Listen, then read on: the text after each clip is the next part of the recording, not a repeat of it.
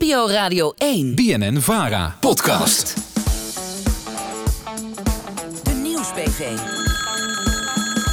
De vraag Aan Den Haag. Elke week leggen wij jouw politieke vraag voor aan politici in Den Haag. En deze week komt die van Patricia. Die wil weten waarom soms meerdere Kamerleden één motie indienen. Hoi, ik ben Patricia en ik heb een vraag aan Den Haag. Als je het eens bent met een motie van een andere partij, dan stem je voor die motie. Maar soms wordt een motie mede ingediend door meerdere fracties. Wat is daar de meerwaarde van? Een goede vraag, maar eerst... Morty, Morty, Morty, Morty.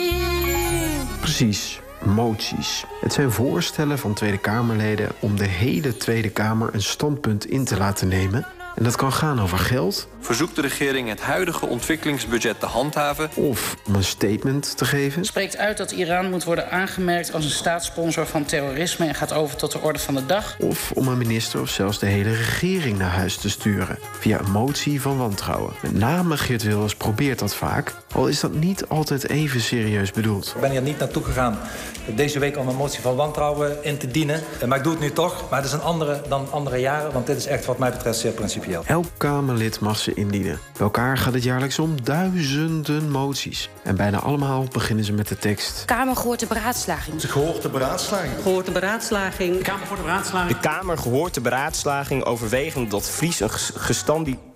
Jeutje, wat een moeilijk woord. Terug naar de vraag van Patricia, die ik voorlegde in de wandelganger aan Dirk-Jan Epping, Kamerlid namens Ja 21.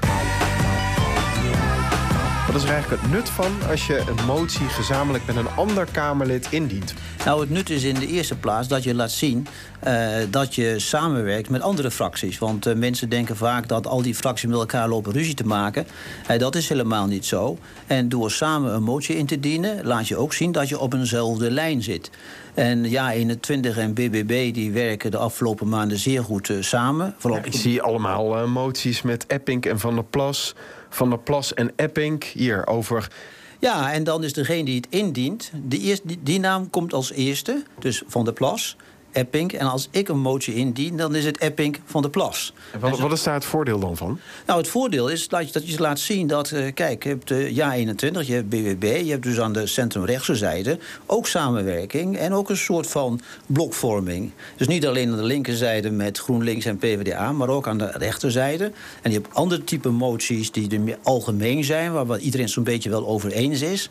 En dan probeer je juist over links en rechts zoveel mogelijk ondertekenaars te vinden. Ja, dus dan denk je echt, ga je eigenlijk ervan uit dat die ook aangenomen kan worden. Ja, dus je zoekt ook steun. Je, je kunt wel moties in gaan dienen, maar als ze afgewezen worden, heb je er niet veel aan. Dus je kunt in de eerste plaats, als je moties hebt, proberen zoveel mogelijk steun eh, te vergaren. Als je denkt van nou, dat wordt moeilijk, want eh, het is te controversieel. Ja, dan zoek je een partner die dichtbij staat of dichterbij. Eh, bijvoorbeeld met BBB. En soms zijn er ook moties die breder zijn. En, en waar dan eigenlijk eh 80% van de, van de Tweede Kamer, eh, die fracties daarvan meetekenen. En dan staat er CS achter. Ja, dan is de indiener, bijvoorbeeld Epping, en dan CS. Ja. En wat is nou eigenlijk het mooiste als er een motie is, gewoon de motie Epping, zonder andere die dan door de hele Kamer wordt aangenomen? Is dat dan toch mooier als, als dat lukt dan als er eh, Epping CS eh, staat? Eh, dat is ook heel mooi, maar dat is heel moeilijk.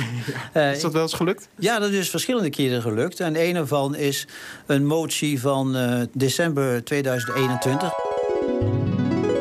Verzoekt de regering onderzoek te doen naar hoe het platteland leefbaar te houden.